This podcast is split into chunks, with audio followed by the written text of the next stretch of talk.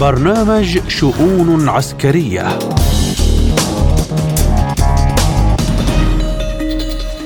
تحية طيبة لكم مستمعين الكرام من استديوهات إذاعة سبوتنيك في موسكو وأهلا بكم في حلقة جديدة من برنامج شؤون عسكرية أقدمها لكم اليوم أنا محمد جمعة. والبداية بأبرز العناوين الحرب على غزة غارات عنيفة وارتفاع في عدد قتلى الجيش الإسرائيلي. آخر تطورات العملية العسكرية الروسية في أوكرانيا. ونبدأ بالملف الفلسطيني. يستمر القصف الإسرائيلي العنيف للقطاع في ظل ترقب هجوم بري واسع على غزة. قد تقدم عليه إسرائيل إذ قال المتحدث باسم الجيش الإسرائيلي إن الجيش سيقيم الوضع في قطاع غزة وإذا سمح الوضع سيبدأ عملياته العسكرية هناك فورا والتي تشمل هجوما مشتركا ومنسقا من الجو والبحر والبر إلا أن الجيش الإسرائيلي أجل بدء العملية البرية لاقتحام غزة بسبب سوء الأحوال الجوية. من جهته اعتبر الرئيس الروسي فلاديمير بوتين أن حصار غزة غير مقبول فيما قال نائب وزير الخارجية الروسي ميخائيل باغدانوف إن موسكو تعارض احتلال إسرائيل لقطاع غزة في حال شنت إسرائيل عملية برية في القطاع. للحديث عن آخر تطورات الوضع في غزة انضم إلينا من غزة الخبير بالشأن الفلسطيني الإسرائيلي الأستاذ عادل الزعنون أهلا بك أستاذ عادل في شؤون عسكرية وأبدأ معك من التحذيرات الدولية من التهجير القسري للفلسطينيين هل سترضخ إسرائيل لهذه التحذيرات؟ يعني بالتأكيد في في النهاية إسرائيل ستوافق على فتح ممر آمن وإدخال المساعدات لأن الضغوطات كبيرة وكبيرة جدا على المستوى السياسي للاداره الأمريكية.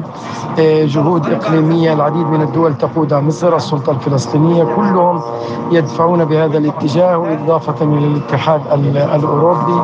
آه، عدا عن أن الميدان الوضع الميداني في قطاع غزة يضغط الوضع الإنساني في غاية التعقيد والصعوبة التي لا مثيل لها. لذلك من المتوقع خلال ال 24 ساعة القادمة أن يكون هناك لحلحة كبيرة في هذا الموضوع. أستاذ عادل نحن لأول مرة نشاهد إسرائيل غير مهتمة باسراها وقد عرفنا سابقا أنها تبادل جثة الجندي بآلاف الأسرى. هل ذلك بسبب هول المصيبة؟ يعني أتوقع بأن الأمور تأخذ منحى مختلف مختلف جدا هذه المرة فيما يتعلق بما حدث مع إسرائيل الهجوم الذي نفذته حماس وما يتعلق بالتعامل مع اسراها فاسرائيل ربما تعتبر نفسها تعرضت لشيء خارج المألوف وخارج المتوقع. لذلك آه، هي لا تهتم كثيرا بالأسرى وعلى الأقل هكذا يبدو الآن. الخبير بالشأن الفلسطيني الإسرائيلي الأستاذ عادل الزعنون كنت معنا ضيفا عزيزا في شؤون عسكرية. ونبقى في السياق الفلسطيني ولكن من مصر حيث عقد الرئيس المصري عبد الفتاح السيسي اجتماعا عاجلا لمجلس الأمن القومي تناول استعراض تطورات الأوضاع الإقليمية خاصة فيما يتعلق بتطورات التصعيد العسكري في قطاع غزة. للحديث أكثر عن هذا الموضوع ينضم إلينا الخبير العسكري الاستراتيجي العميد حسن حناوي. أهلا بك سيادة العميد حسن وأسألك من هي الأطراف التي تستطيع التدخل في المواجهة العربية الإسرائيلية؟ لا هو الدول اللي هي البترولية ممكن تعمل زي ما عملت في 6 أكتوبر كده منع البترول شوية. آه، في في عارف إن في في مفاوضات ما بين السعودية وبين إسرائيل. وقفت كويس جدا. كان مفاوضات عشان التطبيع وكده لكن آه، السعودية مشكور مشكورة جدا وقفتها آه، اشياء من هذا القبيل يعني دي يمكن الضغط على إسرائيل. أيوه ممكن استخدام سلاح البترول زي ما استخدمناه قبل كده في 6 أكتوبر. الدول التي لها علاقات بإسرائيل زي الإمارات مثلا وافتكر الامارات والبحرين والمغرب لهم علاقات بإسرائيل. فممكن قوي برضه إنهم يستخدموا علاقتهم بحيث إن إحنا نحاول إيقاف المذبحه اللي بتحصل. ونرجو إنهم يوفقوا في ذلك يعني. طبعا آه، إحنا كلنا متضامنين مع الشعب الفلسطيني ما نتمناش ان الموضوع يزيد عن كده. نتمنى لهم التوفيق وربنا ينصرهم هل برأيك إسرائيل مستعدة لاستخدام الأسلحة النووية؟ وإذا تم ذلك هل ستحقق الضربة النووية شيئا؟ لا أعتقد إن إسرائيل هيفضل ضربة نووية. إن هي عندها آه، قوة طيران جامدة جدا وبتحقق بيه اللي هي عايزاه الضربة النووية دي تلجأ لها إسرائيل إذا حاربت قوة كبيرة جدا يعني قوة ضدها كبيرة جدا ولم تستطيع التغلب عليها. سيادة العميد يعني في حال توحدت الجبهات العربية ضد إسرائيل من سوريا ولبنان ومصر واليمن والعراق ما الذي يمنع إسرائيل من استخدام السلاح النووي إذا رأت أمنها القومي مهددا؟ هي في حاجة إسرائيل مجاورة للدول ديت. هي ممكن تستخدم مع مصر لأن مصر عندها عمق شوية فتضرب مصر في العمق. لكن لو ضربت لبنان لبنان مؤثرة عليها. يعني الشعاع النووي هيأثر على إسرائيل أو أو الأردن. الدول دي صغيره في الحجم ما عندهاش عمق كبير لكن مصر عندها عمق آه، أدي حاجة. الحاجة الثانية يجب أن ندرك أننا نحارب ولاية أمريكية. آه، إسرائيل جزء من ولاية أمريكية.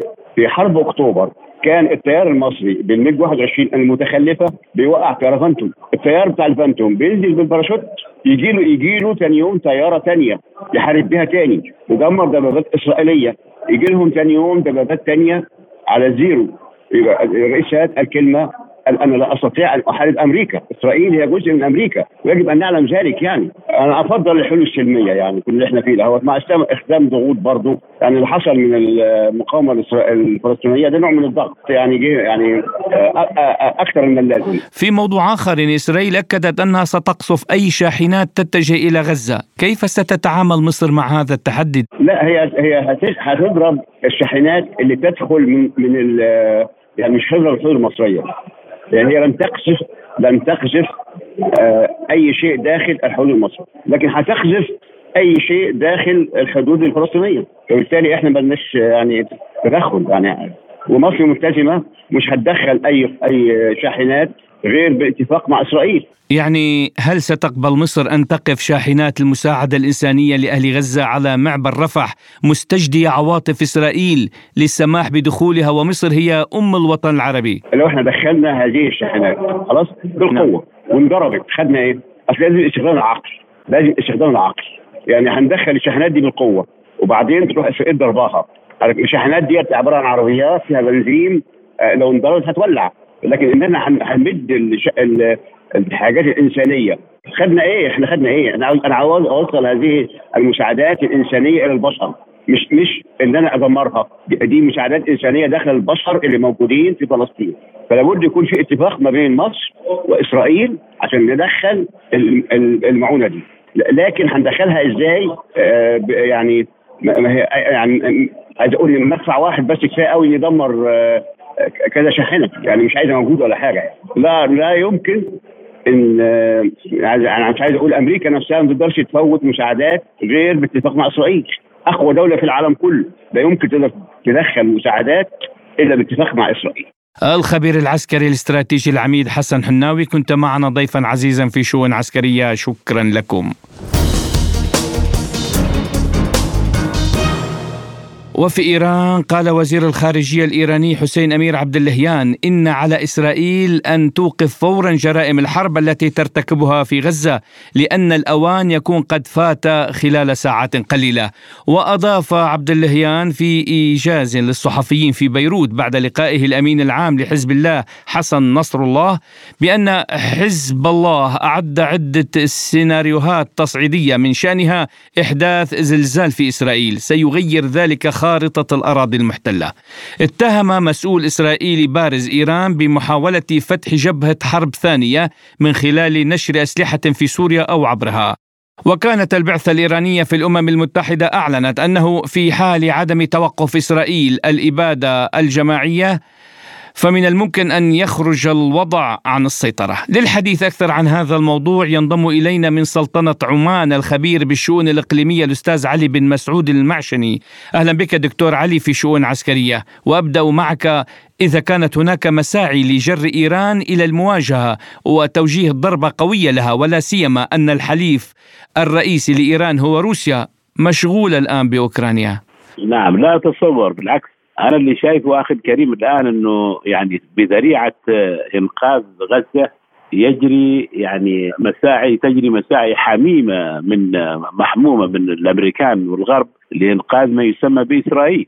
هي الحقيقة يعني إيقاف النزيف في غزة هو يعني خطوة متقدمة بالنسبة لهم لحفظ أمن ما يسمى بإسرائيل وإيقاف الحرب الإقليمية القادمة التي يستشعرونها فالمسألة عكسية وليست ليست كما تظهر على السطح. يعني هم الآن المهلة اليوم الأحد آخر يوم مهلة حددوها. لماذا لم يقدموا على على آه، حرب برية في في غزة؟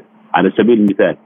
ولماذا اليوم الأمريكان ومجلس الأمن ويعني آه، يتسلحون باللمسة الإنسانية وفتح باب الإغاثة لغزة وحقن الدماء وما شابه ذلك؟ لأنه أساسا النزوح في غزة ترتب عليه نزوح آخر مضاعف في الكيان الصهيوني في الداخل. وهذا الكلام هم يعلموه جيدا إنه يعني غلاف غزة بالكامل تقريبا يعني كثير من المستوطنات هجرت وكثير من المستوطنات في الجليل الاعلى هجرت. فبالتالي النزوح لا ليس في غزة النزوح داخل الكيان الصهيوني وهم يعلمون كذلك بانه خط المقاومة والمفاوضات والجولات التي يقوم بها اليوم عبد اللهيان وزير الخارجية الإيراني بالنيابة عن محور المقاومة أكدوا لهم في أكثر من رسالة باطنية وظاهرية بان محور المقاومة ليس على الحياد على الإطلاق ليس على الحياد اطلاقا اذا الآن ما يدور هو عبارة عن مساومات وأوراق تحت الطاولة وفوق الطاولة وستظهر جليا في الأيام القادمة. حذر الأمين العام لحلف الشمال الأطلسي يينس ستولتنبرغ إيران وحزب الله اللبناني من التدخل في الصراع الفلسطيني الإسرائيلي، هل يفهم هذا خوفا أم تهديدا مباشرا؟ لا لا خوفا، ليس تهديدا على الإطلاق، وأمريكا بتهدد بضرب جنوب لبنان لو تدخل حزب الله بالنيابة عن آه، الكيان الصهيوني. طيب ونسوا إنهم عندهم قواعد وعندهم بوارج في كل البحار وكلها في مرمى صواريخ المقاومة. فالمسألة يعني أبعد بكثير من تهديداتهم. هم الآن في مأزق حقيقي وهم الآن يستغيثون وتحت عنوان إنقاذ غزة والموقف الإنساني من غزة والحقيقة هو إنقاذ ما يسمى بإسرائيل. أستاذ علي مع إعلان الجيش الإسرائيلي استعداده لدخول قطاع غزة بريا شهد الموقف الإيراني والأوضاع الحدودية بين حزب الله وإسرائيل تطورات كبيرة تنذر بتصعيد كبير. ما هو السيناريو الذي ترسمه إيران؟ المنطقة أساسا في احتقان أساسا في احتقان قبل هذه المواجهة ولا بد أن يرفع هذا الاحتقان إلى السقف الأعلى حتى تخل كل الأوراق ويعاد خلق الأوراق من جديد. هم يعلمون هذا الشيء. لكن ما رأوه في غزة ومن طرف واحد فقط وهو حركة حماس وفصيل المقاومه في غزة كفاهم عنوان ونذر. هم لا يستطيعون يستطيعون كل اللي يستطيعوه تدمير والخراب. لكن أن يتواجدوا على الأرض أو يفرضوا واقع سياسي أو قواعد اشتباك جديدة هذا الكلام أصبح من الباطل. يا سيد الكريم الآن أربعين ألف عنصر من نخبة النخبة مستعدين لهم في في في في قطاع غزة. هذا أولا. الأمر الثاني يتحملوا حزب الله لما يحتل الجليل الأعلى بالكامل الأمر الثالث يتحملوا البارجات الأمريكية والبريطانية في الخليج وفي البحر الأبيض المتوسط وهي جميعها في مرمى الصواريخ. الأمر الثالث فليتحمل الوجود الأمريكي في شمال العراق وفي شرق سوريا ضربات الحشد الشعبي من العراق. عندهم استعداد؟ يلا يتبرعوا يدخلوا. المسألة لم تعد مسألة أفضلية ولا مسألة حسابات. المسألة الوضع كله أساسا محتقن سوريا تعاني من قيصر ووصلت إلى مرحلة الوفاة السريرية والعربدة الصهيونية لبنان بلا حكومة من سنتين وأكثر والأوضاع المعيشية في تدهور. إيران يقدمون خطوة ويرجعون خطوة للخلف. الملف اليمني يتقدم خطوة ويرجع خطوة. إذا ما الذي بقى أساسا؟ لم يبقى شيء الا إعادة خط الأوراق من جديد وبعدين تعال تفاوض من جديد. فهم الآن أفضل لهم بدل الدمار والخراب الذي سينوبهم أكثر ما ينوب المناطق وعناصر المقاومة أفضل لهم من الآن أنه يأخذوا جوائز سرية ويطلعوا منها تحت مسمى غزة والملف الإنساني والجولات اللي يقوم فيها الآن بلينكن والجماعة بيقوموا بها ليش؟ كلها نهاية المطاف حتى يخرجوا ما وجه من هذا لأن الحسابات ليست في صالحهم هم يعلمون هذا الكلام. يعلمون جيدا هذا الكلام. الخبير بالشؤون الإقليمية الأستاذ علي المعشني كنت معنا ضيفا عزيزا في شؤون عسكرية. شكرا جزيلا لكم. وفي السياق نفسه التقى وزير الخارجية الإيراني أمير عبد اللهيان برئيس المكتب السياسي لحركة حماس الفلسطينية إسماعيل هنية في العاصمة القطرية الدوحة حيث يعد هذا اللقاء هو الأول بين مسؤولين إيرانيين ومسؤولين من حركة حماس منذ انطلاق عملية طوفان الأقصى يوم السبت الموافق في السابع من أكتوبر تشرين الأول الجاري. للحديث أكثر عن هذا اللقاء ينضم إلينا من طهران الخبير بالشأن الإيراني الثانية الدكتور صالح القزويني. أهلا بك دكتور صالح في شؤون عسكرية. وأبدأ معك حول موقف إيران من الحرب الدائرة في غزة، هل فعلا ستدخل إيران الحرب مع إسرائيل في حال اجتياح غزة؟ أعتقد أنه الآن إيران يمكن القول أنه تستقرأ الخطوات التي يمكن القيام بها من أجل وقف العدوان الإسرائيلي والمجازر الإسرائيلية في غزة. يعني الموقف الإيراني موقف واضح للغاية.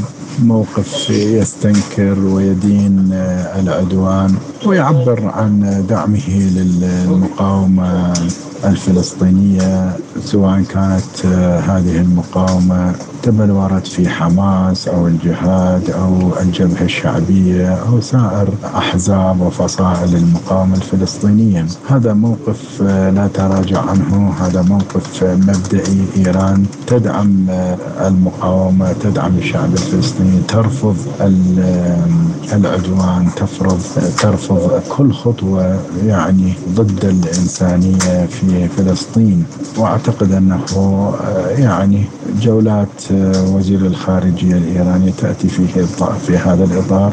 إطار يعني استجلاء الخطوات التي التي يمكن القيام بها لإيقاف العدوان الإسرائيلي عند هذا الحد وعدم اجتياح غزة. بغض النظر عن ما الذي تقوم به إيران في المستقبل فيما يتعلق بالاجتياح الإسرائيلي لغزة. معظم المحللين العسكريين والسياسيين يعتقدون أنه قضية ليست بهذا الشكل قضية ليست هينة. إسرائيل تهدد باجتياح غزة ولكن لن تفعل ذلك لأنها ما ستكون مقبرة لجنودها. غزة ليست لقمة سائغة وليست بهذه السهولة يمكن أن تجتاحها إسرائيل.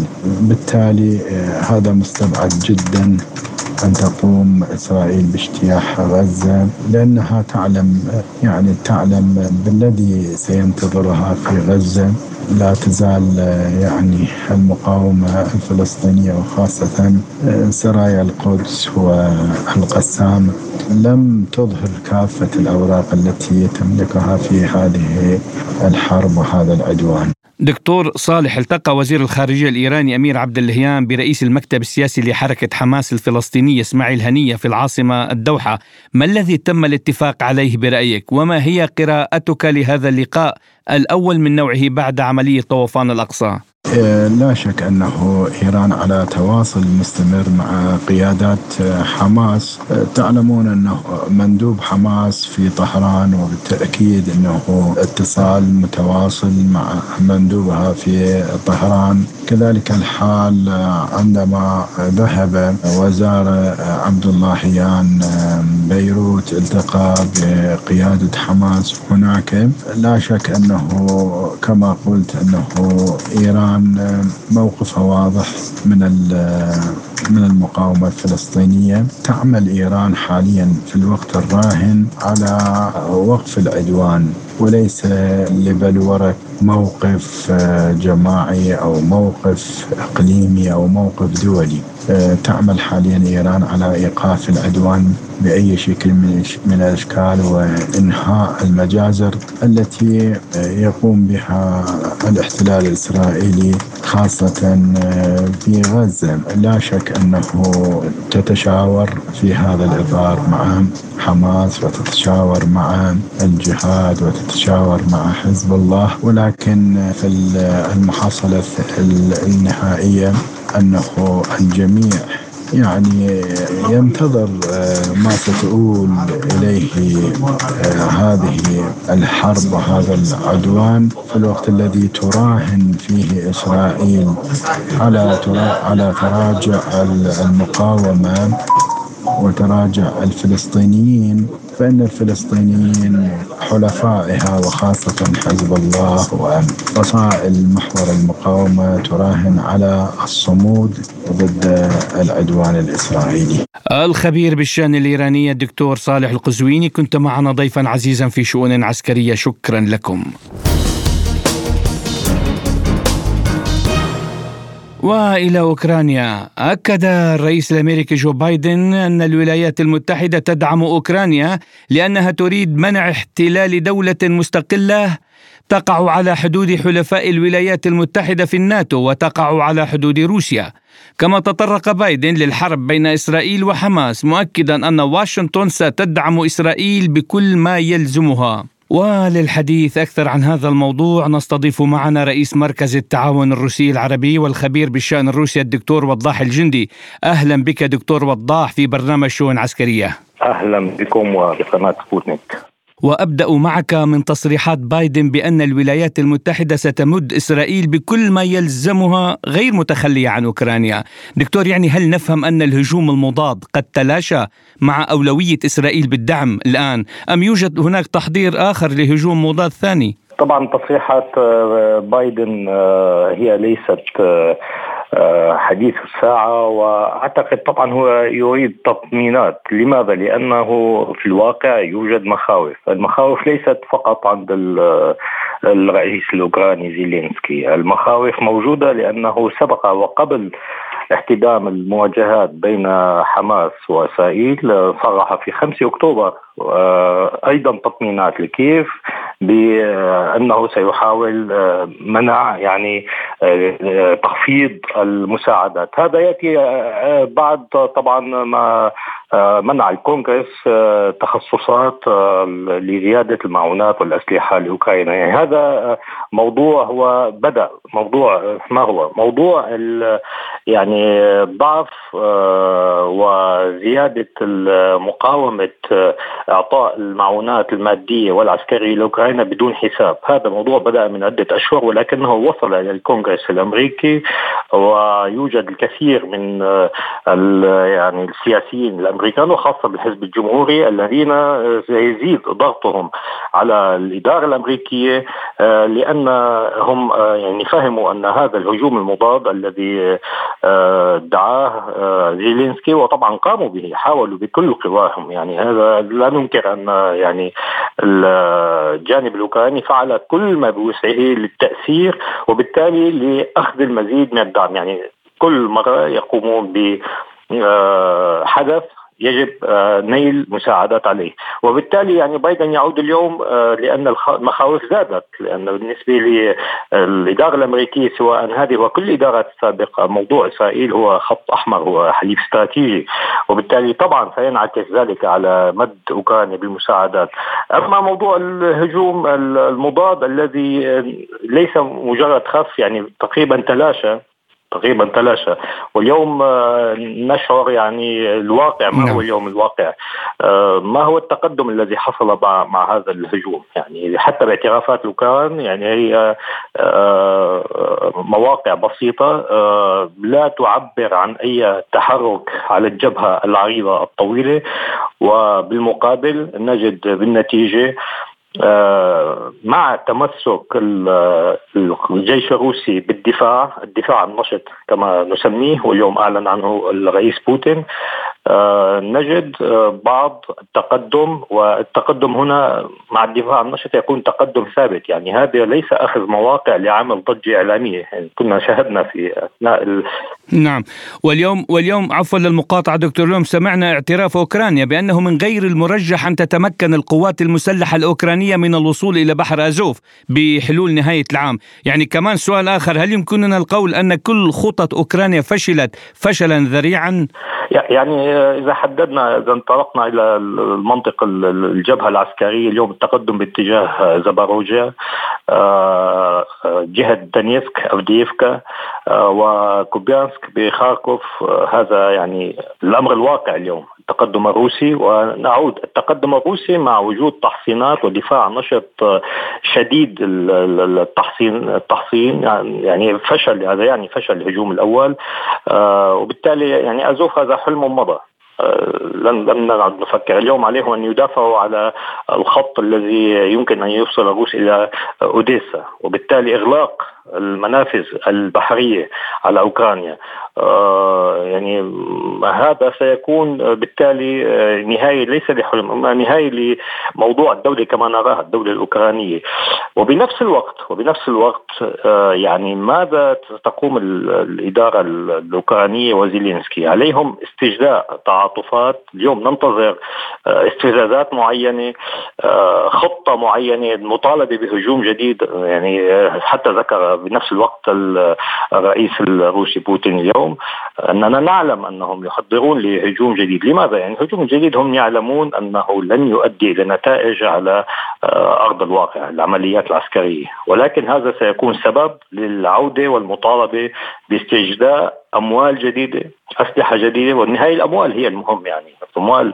فبالتالي آه، الجانب الروسي على علم بكل هذه التحضيرات آه، وهنا لابد أن نذكر أن الهجوم الأول لم يكن مجرد مسرحية وإنما دفع ثمنه أبناء أوكرانيا. للأسف يعني اليوم اخر الإحصائيات بعشرات آلاف القتلى الجانب الأوكراني وهي تتفوق بثمانية أضعاف على الخسائر في الجانب الروسي. يعني للأسف آه، دفعوا ثمنا غاليا. مقابل ماذا؟ مقابل أن السيد زيلينسكي كان يدور ويتصور ويتفرج والقادة الغربيين والأمريكيين كانوا يطالبون بمزيد من المعونات والتعاطف الشعبي مع هذا الهجوم الذي كما قلنا نرى اليوم آه، نتائج فشله. صحيح ونبقى في السياق الميداني دكتور السلطات الأوكرانية اعترفت أيضا بأن الغرب يفتقر إلى العدد المطلوب من أنظمة الدفاع الجوي يعني هل يمكن أن يؤدي هذا إلى قيام دول أخرى بتزويد أوكرانيا بالدفاع الجوي برأيك؟ يعني